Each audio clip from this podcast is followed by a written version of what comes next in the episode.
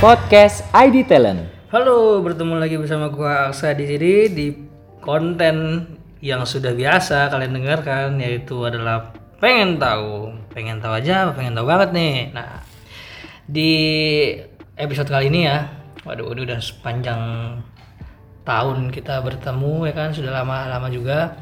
Di sini gua akan membahas tentang tips agar pekerjaan kalian cepat selesai. Nah, ini seneng banget pasti teman-teman yang boring, yang nggak tahu mau ngapain aja, main game udah tamat gitu misalkan main ML, wah udah legend, udah legend, udah epic gitu. Lanjut.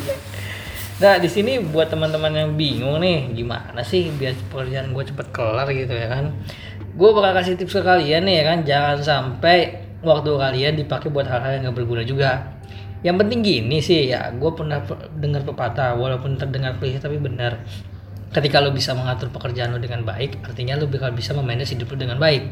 Kayak gitu cuy. Jadi kalau kerjaan lo cepat kelar nah contohnya ini gampang deh. Misalkan lo udah kelar dalam sehari jadi lo nggak perlu punya banyak waktu untuk melembur atau bisa datang pagi atau lo nggak harus menyesuaikan banyak waktu karena pekerjaan lo itu cepat selesai. Nah gimana caranya? Yang pertama itu adalah buat to do list plan. Itu paling penting to do list plan ya ini apa aja yang bakal lu rencanakan ke depan. Jadi gini sama halnya kayak waktu lu dulu dengerin motivasi lah pasti sering banget yang bilang wah lu coba di kamar lu lu taruh deh satu bulan ke depan lu mau ngapain dua bulan ke depan mau ngapain sampai 15 tahun ke depan. Buset kerja lu nulis gitu doang kan gak gitu ya.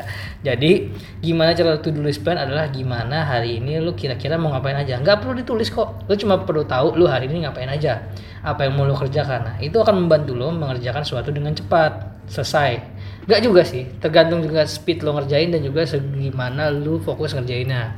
Yang jelas to do list plan adalah buat lu yang tidak punya uh, waktu yang fleksi uh, sorry, lu nggak punya waktu yang fleksibel artinya lu sibuk. Nah itu lu perlu banget buat to do list plan karena lu bakal tahu lu harus ngapain aja hari ini dan besok lu harus ngapain aja. Itu yang paling penting. Yang kedua ya itu prioritasin pekerjaan yang mendesak terlebih dahulu ya kan. Contohnya misalkan lu harus bikin deadline wah sebulan lagi ada event atau ya seminggu lagi lo harus kelarin laporan gitu. Nah itu harus lo lakuin pertama kali dibanding pekerjaan-pekerjaan lainnya. Contoh ya misalkan lo ada di pekerjaan. Yang pertama ini adalah project jangka panjang lo tapi lo harus lihat project yang pertama kali bakal lo lakuin. Itu harus lo kerjakan pertama.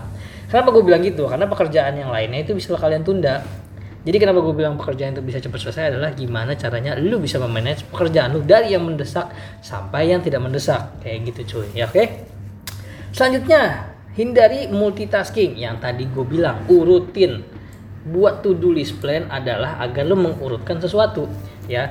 Buat yang tadi gue bilang pekerjaan yang mendesak, mendesak dulu adalah biarkan pekerjaan yang tidak mendesak tidak mengganggu waktu lu. Makanya gue bilang.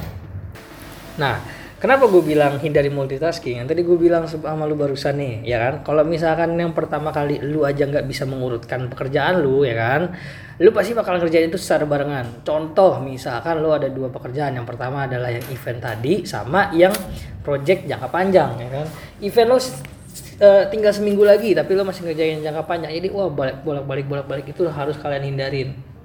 Kalian harus tahu dulu pekerjaan mana yang harus kalian kerjain duluan ya tanggung jawab dari kalian. Makanya gue bilang kalau mau cepat selesai lo jangan multitasking deh jangan gegean istilahnya. Istilah gampangnya kerjain satu dulu fokus sama satu dulu baru kerjain yang lain ya kan? Kayak misalkan lu lagi olahraga gitu kan lu jangan jangan sampai lu jogging sambil push up nggak bisa. Nggak nggak nggak bisa kayak gitu. Itu sama aja kayak lu kerja itu lu ngerjain satu hal tapi dibarengin itu nggak bisa. Nah makanya gue bilang hindari multitasking. Itu mempercepat pekerjaan lu cuy. Secara nggak langsung ya walaupun kalau lu berpikiran wah gue multitasking bisa nih. Gue misalkan nulis sambil nelfon gitu. Oh iya ya yang lu tulis adalah percakapan lu di telepon.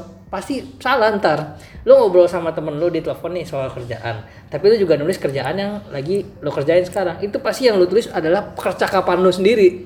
Percaya sama gue karena gue udah pernah ngelakuin ini cuy. Jadi hindari multitasking.